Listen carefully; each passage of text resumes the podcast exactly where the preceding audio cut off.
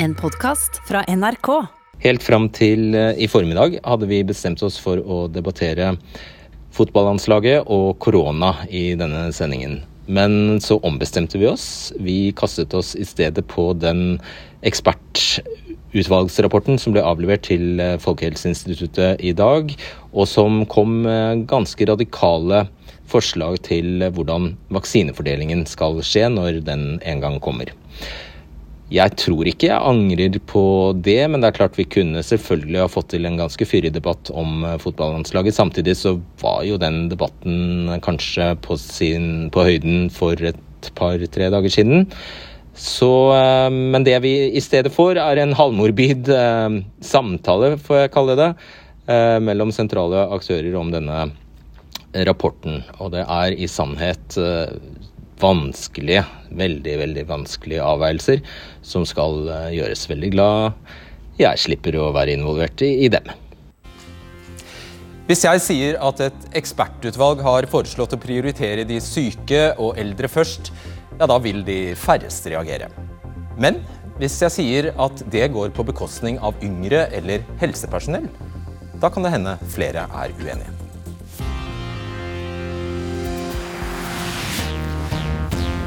Vel møtt. Hvorfor er treningssenteret stengt når det ifølge Virke er registrert to personer som har eh, blitt smittet på sentrene fra juni til november? Senteret som ble besøkt 7,6 millioner ganger i den samme perioden. Hva er det vitenskapelige belegget for dette tiltaket? Heng med videre i debatten, kanskje du får svar.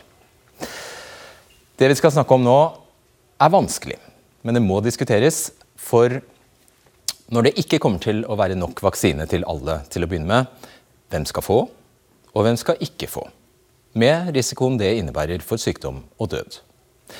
Panelet vårt består av Marit Hermansen fra Legeforeningen, Geir Bukkholm fra Folkehelseinstituttet, Lill Sverresdatter Larsen fra Sykepleierforbundet og Reidun Førde, som har vært med å skrive rapporten som vi skal diskutere i dag. Altså som inneholder de forslagene vi skal snakke om. Hvis du har vært pårørende eller selv har vært pasient som har blitt utsatt for prioritering i helsevesenet, ja da vet du at alle dessverre ikke får uendelig med behandling. Vi som ikke har vært i den situasjonen, tenker sjelden over at i realiteten styres helsevesenet etter kostnadseffektivitet og alvorlighetsgrad. Et ungt liv prioriteres oftest foran et eldre. Dess mer alvorlig sykdom, dess lenger fram i køen. Et liv er ikke et liv. Og Reidun Førde, det er dere som avgir denne vaksinerapporten til Folkehelseinstituttet, som har eh, bestilt den. Jeg skal bare nå først eh, poengtere at vi har lagt, eh, bitt oss merke i to, spesielt to forslag dere kommer med, som man kan ja, kunne kalle radikale. Det første forslaget det handler om at i den pandemien, i en pandemi som vi står i nå, så skal ikke prinsippet om antall tapte leveår styre prioriteringene. Men snarere skal helsevesenet gjennom vaksinasjon forsøke å redde så mange liv som overhodet mulig. Betyr det at en 95-åring skal få samme prioritet som en 25-åring? Uh, eh, nei. Han får en høyere prioritet enn en 25-åring. Uh, eh, først begynne med å si at uh, når det gjelder vaksine, så det vi snakker om, er ikke at noen får og noen får ikke, men noen får først. Og da har vi tenkt at de som er mest sårbare, eh, skal ha beskyttelsen først. Og en 95-åring er mye mer utsatt enn en 20-åring. alder er et, et veldig som forsterkende kriterium når det gjelder dårlig utfall av denne pandemien. Og Kan du forklare oss hvorfor dette egentlig er et nokså radikalt brudd med det som er normalen? Ja, fordi at en, en, eh, en, under en pandemi så, så, beskytter vi ikke bare den enkelte. Vi behandler ikke bare den enkelte, men vi tar også hensyn til samfunnet som helhet. Eh, fordi at det, samfunnet blir så hardt ramma av en pandemi. Eh, når det gjelder behandling, så, så er det enklere å, å, å, vurdere dette med hvor mange tapte leveår får du, som vi da regner inn i alvorlighetskriteriet. Men under en pandemi så blir det forferdelig vanskelig og kanskje uetisk å, å håndtere. Jeg skal komme nærmere inn på hvorfor det er problematisk etisk sett. Betyr dette her at man da går fra, eller bort fra et prinsipp om at de som er dårligst stilt, skal få først, hjelp først? Nei, vi, vi, vi, forsterker, da, ja. vi, forsterker, det, Solvang. Vi sier at de som er dårligst stilt, de som har overveiende størst sjanse for å komme ut med alvorlige eh, følgetilstander eller død, skal få først. Gjelder det statistisk, eller gjelder det per individ? Nei, dette, det, Alder gjelder jo statistisk, så absolutt. Og så må vi skaffe oss mer kunnskaper om, om eh, hvem i risikogruppene som, som vil ha best eh, effekt av, av eh, eh, vaksinen. Det er jo masse vi ikke vet ennå. Så det vi har gjort, det er jo å lage noen sånne stolper eh, for at beslutningene kan håndteres innenfor disse eh, verdiene da, og målsettingene som vi har lagt fram, og som myndighetene kan velge å følge eller ikke følge. Nettopp. Det andre som er iøynefallende med forslagene deres, er et prinsipp om at to like syke personer skal bli behandlet ulikt alt etter hvor de bor hen i landet. Altså Det skal uh, være en geografisk betingelse. Og dette skal variere, uh, og dette skal betinges av hvor smittetrykket er. Uh, hvor det er mye smitte. da. Så sagt på en annen måte så betyr det at hvis du befinner deg i en bydel i Oslo, Eh, og er like syk som en som befinner seg et helt annet sted i landet, så vil du, hvis du befinner deg i Oslo, få vaksinen først. Hvorfor det? Ja, jeg skjønner at, at det blir opplevd som, uh, som, kontroversielt, fordi det bryter på en måte med prinsippet om at det skal ikke spille noen rolle hvor i landet du bor, for hva slags behandling du skal få. Mm. Men dette er igjen en pandemi. Og i et område med et veldig høyt smittetrykk, så er den som er like syk som en som er ute i distriktet der det nesten ikke er smitte, mye hardere, altså mye mer trua. Helsevesenet, som vi også eh, må skule til, eh, er mer trua. Eh, det må mye sterkere sanksjoner til, eller, eller nedstenging og sånne ting. Så, så, ut fra veldig mange hensyn og konsekvensene for, av dette smittetrykket, så har vi sagt at det må kunne telle. Foreløpig takk, og bare implisitt, nevnte det ikke nå, men den prioriteringen av eldre og syke innebærer altså en nedprioritering av helsepersonell i deres uh, rapport? I den delen av pandemien, men, men ikke når det virkelig er uh, mye spill. Men det kan vi komme tilbake til. Det kommer vi tilbake til. Geir Bukkon, direktør for koronaprogrammet i Folkehelseinstituttet. Dere skal gi råd til helseminister Høie og har fått overlevert denne rapporten nå. Er du Eh, du, er, er, du klar til å si at du er enig i denne prioriteringen? Altså at helsepersonell ikke skal ha forrang først? Jeg tenker at det, det er viktig for oss for det første å si at vi er veldig glad for at dette utvalget kommer med veldig klare prioriteringer. Og det var viktig for oss å få et uavhengig utvalg til å gjøre denne type analyser i, i forkant. Og så tenker jo vi at eh, det at eh, altså hele konseptet bak eh, vaksinering i Norge er jo å beskytte de som har størst risiko for å få en alvorlig sykdom. Og Det tenker jeg at det er et viktig prinsipp som nå legges til grunn i denne, i denne utredningen fra, fra denne gruppen. Så svaret er for så vidt ja? Ja, altså at vi, at vi, vil prioritere de som er, har størst risiko for, for, død og størst risiko for alvorlig sykdom, det tenker jeg det er et, et grunnleggende prinsipp. Men, men, så, men, så, er det ja. også uh, en del andre ting som vi må ta hensyn til. Og det er jo hva slags vaksine får vi, og hva slags egenskaper har den vaksinen. Og det tredje er, eh, eller det andre forholdet er eh, hvilken epidemiologisk situasjon er vi når denne vaksinen er tilgjengelig og vi skal begynne å, å vaksinere. Ja, for her, skifter, her eh, skjer, det, skjer, det, veldig brått.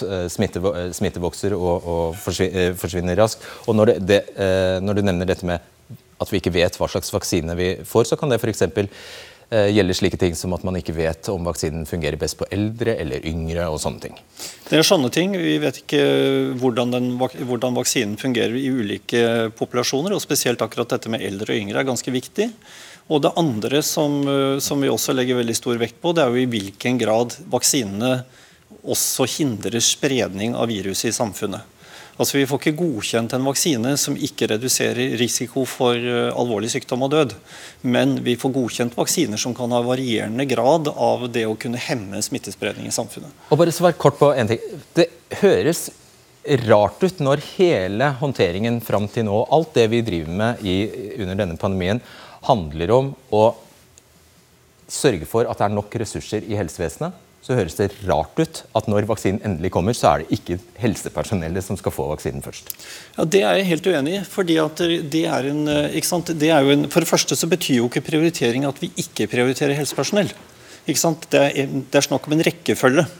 Og Det kan godt hende at man, når man har vaksinert de som har aller størst risiko for å bli veldig syke Ja, Men noen må jo komme først? Ja, de kommer først. ikke sant? Så, men så Eh, kan det jo hende, nettopp hende at helsepersonell er neste gruppe som blir prioritert.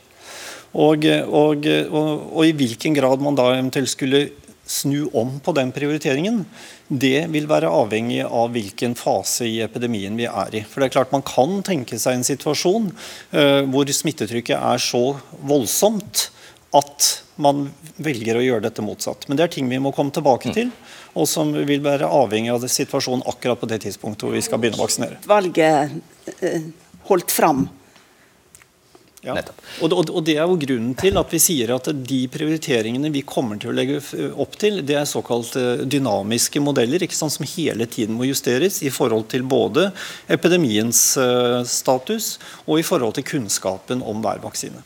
Marit Hermansen, president i Den norske legeforeningen. Jeg har hørt deg tidligere i dag si at du mente denne prioriteringen, altså faktisk at dine medlemmer ikke skal få vaksinen først, er fornuftig. Hvorfor det? Jo, fordi I en helsetjeneste hvor vi har noenlunde kontroll, har vi i dag gode rutiner for å begrense smitte, og vi har kapasitet til å behandle de sårbare og de alvorlig syke. Og Da eh, er jeg helt enig i denne prioriteringen. Det henger veldig godt med hva vi gjør i helsetjenesten, nemlig gir mest til de mest sårbare. Hva skal man med leger hvis man ikke Hva skal, hva skal man med hva skal, altså, Er det ikke viktigst at dere holder dere på beina? Jo, eh, men eh, de som er risikopersonell blant leger, vil jo også bli prioritert. Men vanlige, friske leger som ikke har denne høye risikoen, har jo ikke den samme eh, risikoen. Og vi har gode rutiner, god beskyttelse i helsetjenesten. Men i en situasjon ja. hvor vi er i ferd med å briste, hvor helsetjenesten er på strekk, og hvor man har for få vaksiner, da er det jo veldig effektivt og smart å faktisk vaksinere helsepersonell. Ja, Så hvis smitten brått fyker i været på sykehusene f.eks., da vil du endre prinsipp? Da er du ikke lenger for, eller på sykehjemmene. I samfunnet. I samfunnet, ja. fordi da vil du vi, Da vil da, du ha vaksinen? Ja, hvis, hvis helsetjenesten er uh, på strekk. Fordi vi trenger sykehjemsleger på, på sykehjemmene til å behandle de syke. Vi trenger eh, intensivleger Så det var ikke intensiv... så uselvisk likevel, da? Det handler ikke om å være selvisk, det handler om å kunne hjelpe andre. Å kunne behandle hjertesvikt og kunne behandle eh, de som ikke får puste. For hvis det ikke er, er helsepersonell der, ja, ja, da mister vi jo mange flere. Så det er, det er, litt det samme som på flyet. Man tar på oksygenmaska på seg selv før man tar andre. Ja, men bare uh, før vi uh, passer, uh, gir ordet videre her. Hvorfor vil du gamble med dette? Vi har jo sett hvor raskt smitten kan bre seg på et sykehjem. Altså Hele sykehjemmet kan jo bli satt i karantene over natta omtrent. Ja, og Da må vi ha gode rutiner, og vi må ha nok folk. I dag har vi kapasitet. Da kan vi få en eh, fastlege som kommer inn på sykehjemmet eh, når den andre er i karantene. Men den dagen hvor, eh, hvor det ikke er helsepersonell igjen, hvor, hvor sykehjemmet flømmer over, hvor fastlegekontoret er fullt, hvor vi ikke har intensivplasser, ja, da må vi ta vare på det helsepersonellet. Er alle leger i landet enige med deg nå? Ja, det, det tror jeg. Det tror ikke jeg. Ja. Tror du virkelig? Nei, men Legeforeningen eh, er enig i dette. Og i Legeforeningen skal jeg si deg, det er mange meninger. Men jeg, jeg tror at Etikkutvalget faktisk har truffet mm. uh, folkemeninga her. Mm. Uh, Lille Sverresdatter Larsen, leder i Norsk Sykepleierforbund. Du skal straks få ordet, men jeg bare henlede oppmerksomheten din til skjermen her. fordi Vi skal først uh, bare vise at det er varierende per nå Eh, prioriteringer i forskjellige land. Belgia, Estland, Frankrike og Polen har bestemt at helsepersonell skal få vaksinen først. Luxembourg, Sverige og Storbritannia prioriterer eldre, og sistnevnte land, Storbritannia, der spesifikt, der vil de prioritere sykehjemsbeboere. Og i Tyskland prioriterer de kronisk syke. Også du har eh, vel i dag sagt at du er enig med, med utvalget i at dette er fornuftig å prioritere syke og eh, eldre. Det jeg da ikke forstår, dette burde jo være en helt universell etikk som gjelder alle mennesker, alt helsepersonell på hele kloden. Hvordan kan dere da, Hvorfor er dere uenige med tre så store viktige Jeg vet ikke om alle var like store, men tre, tre, fire land, da, i hvert fall. Eh, det den eh, grafen der beskriver, er jo, eh, er jo, også land som er i en annen fase enn, enn det vi er i Norge i, i, dag. Og Det beskriver også det ekspertutvalget sin rapport, at hvis vi kommer i en sånn fase med et sånn smittetrykk, så vil vi også måtte gjøre andre prioriteringer. Det er det, de, det, jeg forstår som en dynamisk prioritering. Da vil det være riktig å prioritere helsepersonell framfor risikogrupper på, i, eller samtidig med risikogrupper. i alle fall. Vil ikke de beboerne og de pasientene være helt eh, Altså, det du, det du egentlig sier er, er vi trenger ikke vaksinen så lenge vi holder oss friske, men hvis vi står i fare for å bli syke, helsepersonellet, ja da skal vi ha vaksinen før alle andre. Det handler ikke om å beskytte helsepersonell i seg selv, annet enn for kapasiteten i helsetjenesten. og Det er vi avhengig av, uansett om det er koronasyke eller om det er andre sykdommer. Men det handler om at når du vaksinerer helsepersonell, så gjør du også, da beskytter du eh, for at det kommer intern smitte i helsetjenesten. og Det beskytter dermed de skrøpelige eh, eldre og andre i risiko. Ja, Men smitten går jo gjennom deres kropp? Ja, nettopp. Men dermed er det, du må gjerne si at det er usel, eller uselviske. Hjelp deg sjøl før andre, heter det. Men det handler om en kapasitet i helsetjenestene, og det handler om at vi skal redusere smitten som kan komme til eh, hvem, sykehjem, f.eks. Så hvem skal, bestemme, en, hvem skal bestemme når smittetrykket er høyt nok til at du skal få vaksinen? Og, eh, ja, eller ta det først. Det må være myndighetsstyrt, selvfølgelig, ut ifra det smittetrykket som man ser, det smittetrenden som vi ser. Mm. Og, det, eh, greit. og det nikker du til? Det nikker jeg veldig til. Eh, vi har disse, disse overordna målsetningene, og så vil vi få mer kunnskap etter hvert. Pandemien ut, kan utvikle seg i retning vi ikke ønsker oss, og, da, og det er mange hensyn å ta. Da må helsemyndighetene og, og, og politikerne ta det vanskelige valget. Og hvem er det? Er det, er det dere, eller hvem er det som tar en så vanskelig avgjørelse? Som å endre prioriteringsrekkefølgen. Nei, altså, si til de syke og eldre at nei, sorry, nå er det for mye smitte her, nå må vi prioritere helsepersonell. Altså den, den beslutningen blir tatt av regjeringen. Men det vil jo være råd fra både Folkehelseinstituttet og Helsedirektoratet og andre i helseforvaltningen som vil bidra til, til de rådene.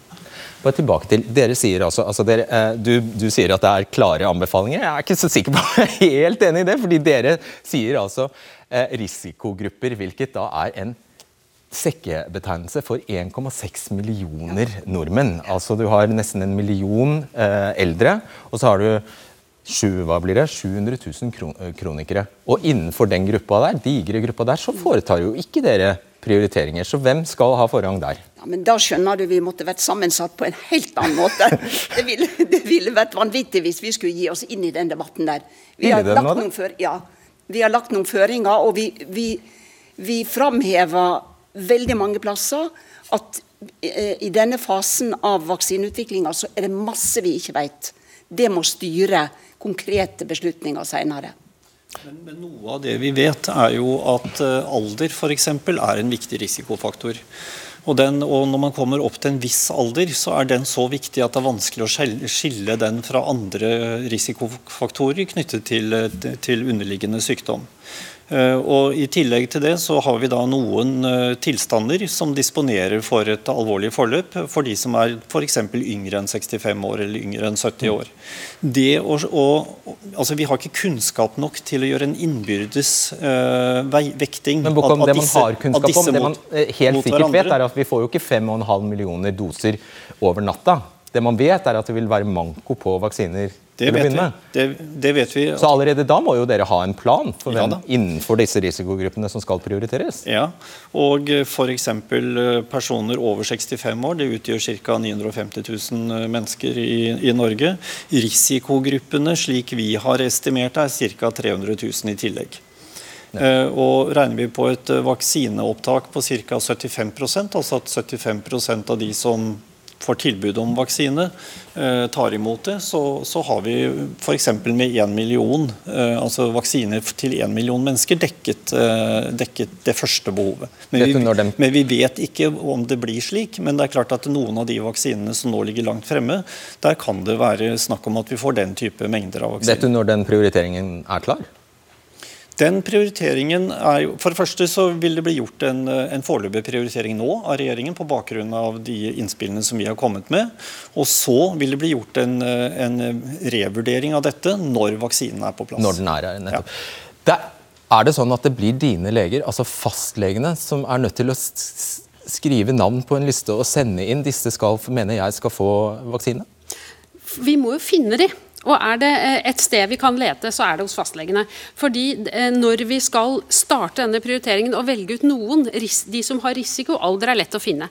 Men hvem er det som har risikofaktorene? Jo, da er vi så heldige at vi har en sterk primærhelsetjeneste og en fastlegetjeneste med gode journaler, som faktisk har disse opplysningene, som kjenner pasientene sine, og man kan gjøre uttrekk og invitere per SMS og faktisk holde orden på det i ettergang. Så jeg er jo veldig eh, Jeg inviterer jo til felles planlegging om dette, for her er vi ganske nære et godt apparat for å få det til. Og det er jo fastlegene som står for størsteparten av eh, influensavaksineringen allerede i dag.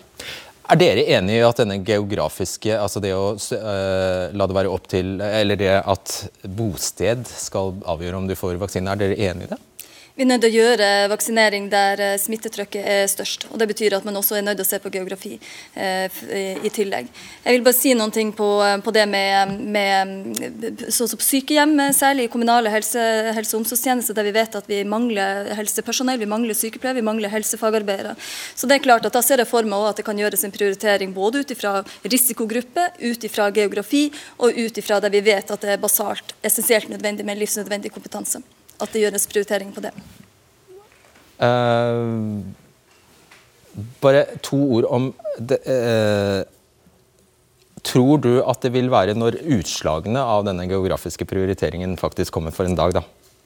Er du helt sikker på, fordi Dere skriver også at det er helt, altså et, sånt pandemi, uh, nei, et sånt vaksineprogram er jo helt avhengig av tillit og oppslutning. Er du helt sikker på at det vil bli forstått?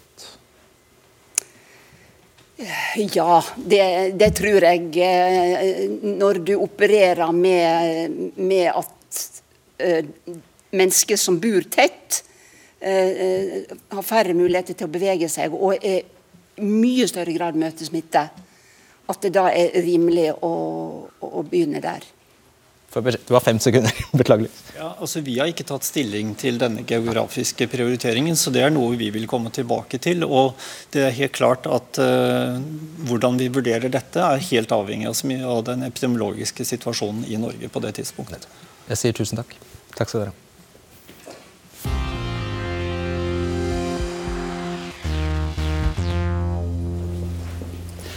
Treningsentusiaster river seg i håret over at treningssentrene nok en gang ble stengt. Så desperate var mange av dem at de flyktet til nabokommuner for å løfte vekter, gå på spinning og zumba. Og da ønsker jeg velkommen til deg, Line Birgitte Jøkling Olestad. Du er eh, senterleder og personlig trener på Spenst Fettsund, og frustrert over at dere igjen måtte stenge dørene. Og det fordi det ble rødt nivå i storkommunen Lillestrøm, som dere tilhører. Hva, hva var problemet? Nei, Problemet er jo at smittetallene øker, og at eh, kommunene har fått anbefalinger om å følge nabokommunene sine. Så når det ble tatt en avgjørelse på det i Oslo, så ville Lillestrøm følge etter. da. Og Hvorfor er det frustrerende? Det som er frustrerende, er jo at treningssentrene er det som blir stengt ned i første rekke.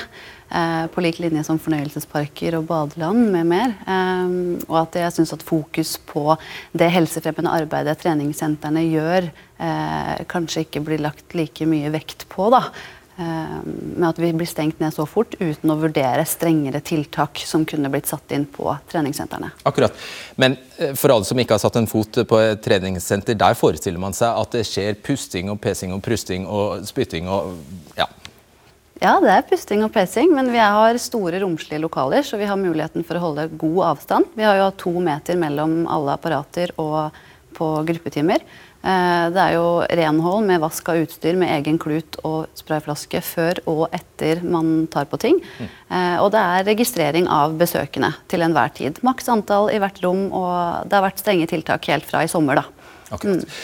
Og på en, eh, et nettsted som heter treningsindustrien.no stiller du spørsmål ved om vi slår ned viruset eller folkehelsa. Du var så vidt innom det, men du kan få utdype. Ja, um, det er jo litt satt på spissen med overskriften min, som de Det fleste liker vi, overskrifter. ja. Men eh, jeg mener jo at uh, vi Altså, trening gir jo økt livskvalitet. Det gir uh, mestring, og det reduserer risikoen for demens, reduserer stress. Uh, og at vi glemmer litt det oppi det hele når vi er den første som blir stengt ned. Andre arenaer som ikke har registrering av besøkende, eller som ikke har like strenge smitteverntiltak som treningssentrene har, de får være åpne. Og da syns jeg at man også bør kunne gå på trening. Men min bekymring er jo egentlig den litt sårbare gruppen. da. De som kanskje kun har treningssentre, eh, ikke har noen familie, venner rundt seg, men eh, er noen som ser deg på treningssenteret. Og de med muskel- og leddproblemer som må ha styrketrening for å holde seg i gang. Ikke Per som skal bli sterkere i benkpress, for han klarer seg godt med en løpetur ute. Han har sikkert godt av det. Eh, og han står på døra likevel når vi åpner igjen. Men det gjør ikke mange av de andre. Dessverre. Takk skal du ha, og lykke til. Takk skal du ha. Bare hoppe videre fra Spens til Sats. Bjørn Mosseide, deleier i Sats, leier ut treningslokaler. Mange kjenner jo ansiktet ditt fra flere VM- og EM-seire i sandvolleyball. Og du mener treningsbransjen nå må blø fordi den rammes av tiltak som ikke er målrettet. Hvorfor ikke?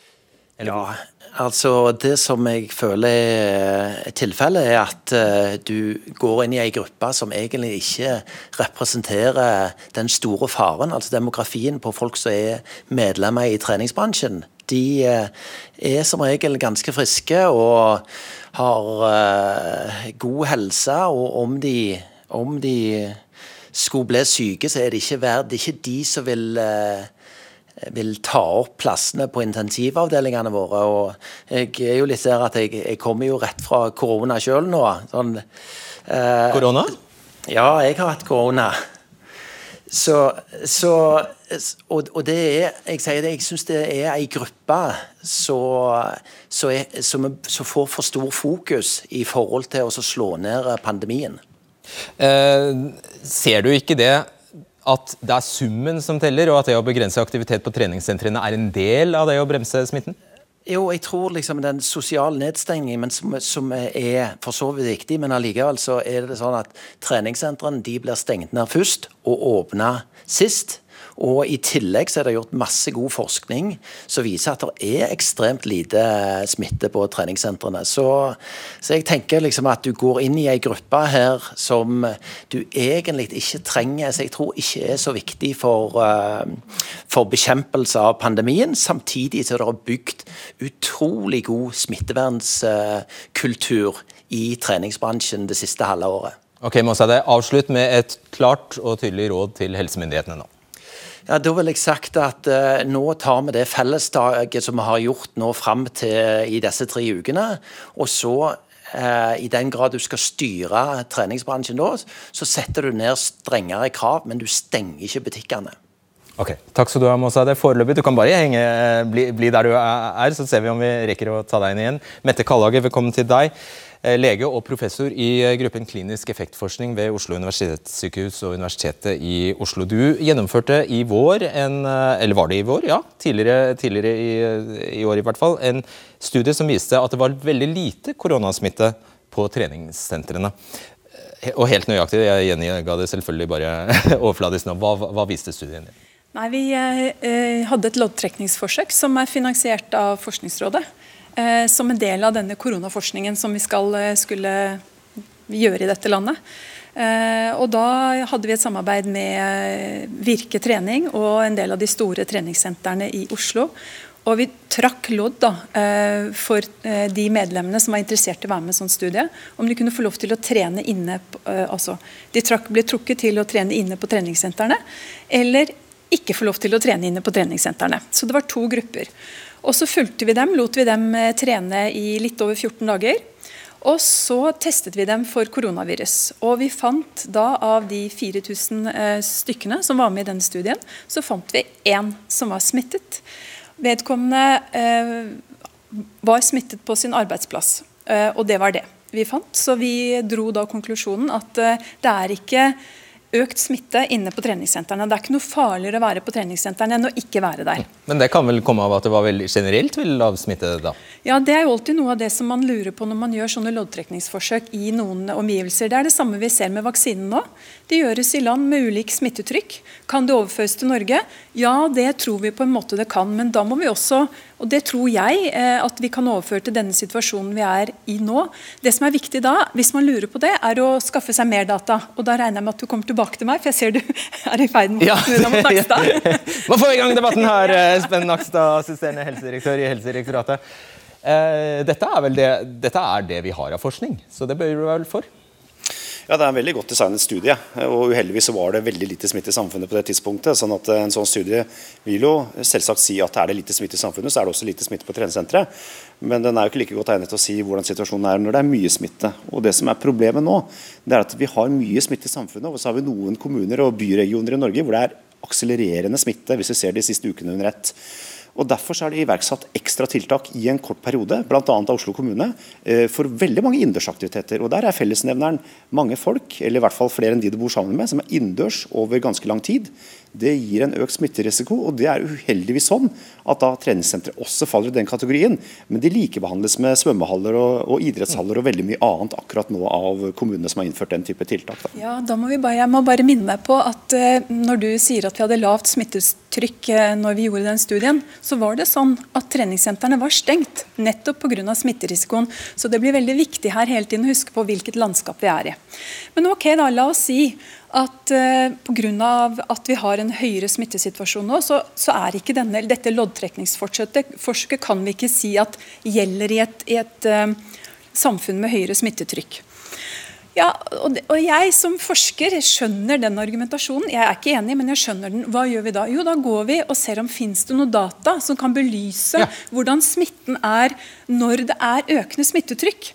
Og det har jeg da gjort. Sett på det. Jeg har fått data fra alle de, de største treningskjedene, eh, kjedene, treningskjedene eh, i Virke. Og da fant vi at ut av 7,6 eh, millioner besøk så var det 210 stykker som har en positiv covid-test. To stykker er smittet inne på treningssentrene, som vi vet om, og det er ansatte. Og Disse tallene fremkommer ved at treningssentrene har ekstremt god oversikt over sine medlemmer, pluss at bydelsoverlegene i Oslo og kommuneoverlegene i andre steder i landet de har drevet intensiv smitteoppsporing, som jo er et veldig fordel i, i sånn som vi driver helsevesenet i Norge. Nei, det er riktig det at eh, i en situasjon med lite smitte i samfunnet, og treningssentrene åpnet jo 15.6, var det vel. Eh, de var jo stengt i hele perioden hvor det var mye smitte i Norge, og så åpnet de 15.6. Uheldigvis eh, ganske sent, kan vi si. og det er klart det har gått utover de som bruker treningssentre, selvsagt. Men så er det sånn at, at når vi nå har økende smitte, så har man ikke et godt system i Norge for å kartlegge nøyaktig hvor alle blir smittet. Det er faktisk et fåtall vi vet hvor er smittet. Men det vi vet er at de som er innendørs, mange samlet over lang tid, der er det økt smitterisiko. Ja, det var i august det, Til de virketallene hun ja. refererer Nei, jeg kjenner ikke virketallene, men det jeg vet, det er at det har vært noen små smitteutbrudd på treningssenteret. Ikke veldig mange. Det var 300 personer satt i karantene i Oslo i august. Jeg de tallene litt, Anakstad, fordi at så, det er faktisk sånn at smittetrykket i samfunnet er fire-fem ganger høyere enn det vi ser inne på treningssentrene. Og så kan man jo lure på Hvorfor er det sånn? Er det fordi de som trener, et, eh, er en annen sosioøkonomisk bra bakgrunn? Er det noe spesielt med dem? Eller er det sånn at de smitteverntiltakene som har vært ført inne på treningssentrene, har vært veldig gode? Og så må vi ikke glemme, det aller viktigste kanskje, er at når man setter i gang smitteverntiltak, så må man veie fordeler mot ulemper. Og ulempene er helt åpenbare. Selv Helsedirektoratet anbefaler jo folk å drive med fysisk aktivitet, og til og med eldre å drive med vektløfting. Det får man gjort på trenersentrene. Mm. Som dere stenger ned, så er det, det ulempene der. At når man nå innfører disse kraftige tiltakene regionalt, så er det for å unngå en nedstengning. Det er et forsøk på å rett og slett unngå at treningssentre og skoler og veldig mye må stenge ned i en lang periode, sånn som vi ser i mange land rundt oss. Så Det er ikke fordi man ønsker å gjøre det vanskelig for treningssentrene spesielt, det er for å unngå nedstengning. Og Da teller summen av tiltak veldig mye. Vi vet det skjer smitte innendørs mange steder, det skjer veldig lite utendørs. Og det er mulig å bli smittet også på et treningssenter hvis du er syk og drar dit. Det vet vi. Sånn at Dette er et kortvarig tiltak innført i noen kommuner nettopp for å få kontroll og for å unngå en langvarig nedstengning. Ja, og da, må, da, er det vanskelig å gi unntak for én type innendørsaktivitet. Vi må forstå hvorfor dere stenger ned, hvorfor dere har tiltak etter tiltak. Forstår, jeg forstår det ikke. Jeg har ikke sett et eneste argument fra ja, deres side. La meg bare avbryte deg. Har du andre tall? Ja, ja, en tall. Eh, vi har eh, I tillegg til disse utbruddene jeg nevnte, som tross alt har skjedd, men som ikke skiller treningssentre veldig ut fra andre steder innendørs, så har vi sett statistikk fra FHI nå på hvilke yrkesgrupper, ut fra hvor mange som er ansatt i et yrke, som slår ut på statistikken. Og der ser vi f.eks. at uh, Første halvdel av pandemien så var det jo leger og sykepleiere tronet høyt. Andre halvdel så er det serveringsbransjen man troner høyt. Og så har det vært en dobling av da treningsinstruktører, hvor mange som er smittet der. Ja, de er fortsatt midt på treet. Smitt, like stor smitte som samfunnet. Så ja. det bekrefter jo mine tall, Nettopp. så det er jo kjempefint. Sånn at, men det bekrefter at det er noe smitte som skjer, også på treningssenteret. Men, men poenget er, er, at for, du må veie fordeler mot ulemper, Nakstad. Og det er det jeg savner fra myndighetene. Denne forholdsmessigheten. Man stenger ned treningssentre som har åpenbare folkehelsegevinster. Vi veier fordeler mot ulemper. og Her er det et, en, et syn som gjelder. den vurderingen har kommunene gjort, fordi de prioriterer å ikke stenge for barn og ungdom. Tall som kan Nei, men Hvis du hadde hørt på pressekonferansen i Oslo kommune, så hadde du hørt at man prioriterer jeg har sett alle Hvis jeg får snakke litt kan jeg si at eh, Ungdom og barn er prioritert. De får under 13 år får ikke noe reduksjon i tilbudet sitt. Og så er det innendørsaktiviteter i disse bykommunene nå som er stengt for en kortvarig periode på to uker. Det er ikke utendørsaktiviteter. Og man gjør dette for å hindre at man ah, okay. må stenge permanent. Ja, men og det er det som er poenget. Hvor mange tror du at vi forhindrer ved å legge inn på sykehus eller dø ved at vi stenger treningssentrene? Og hvor mange liv kunne vi påvirke positivt? Yes. Den balansen savner jeg. Da fikk du siste ord. ordet. Jeg tror vi skjønte at det var et retorisk eh, spørsmål. Får sikkert anledning til å svare på det senere. Så takk skal dere ha. Debatten er tilbake torsdag. Vi ses da.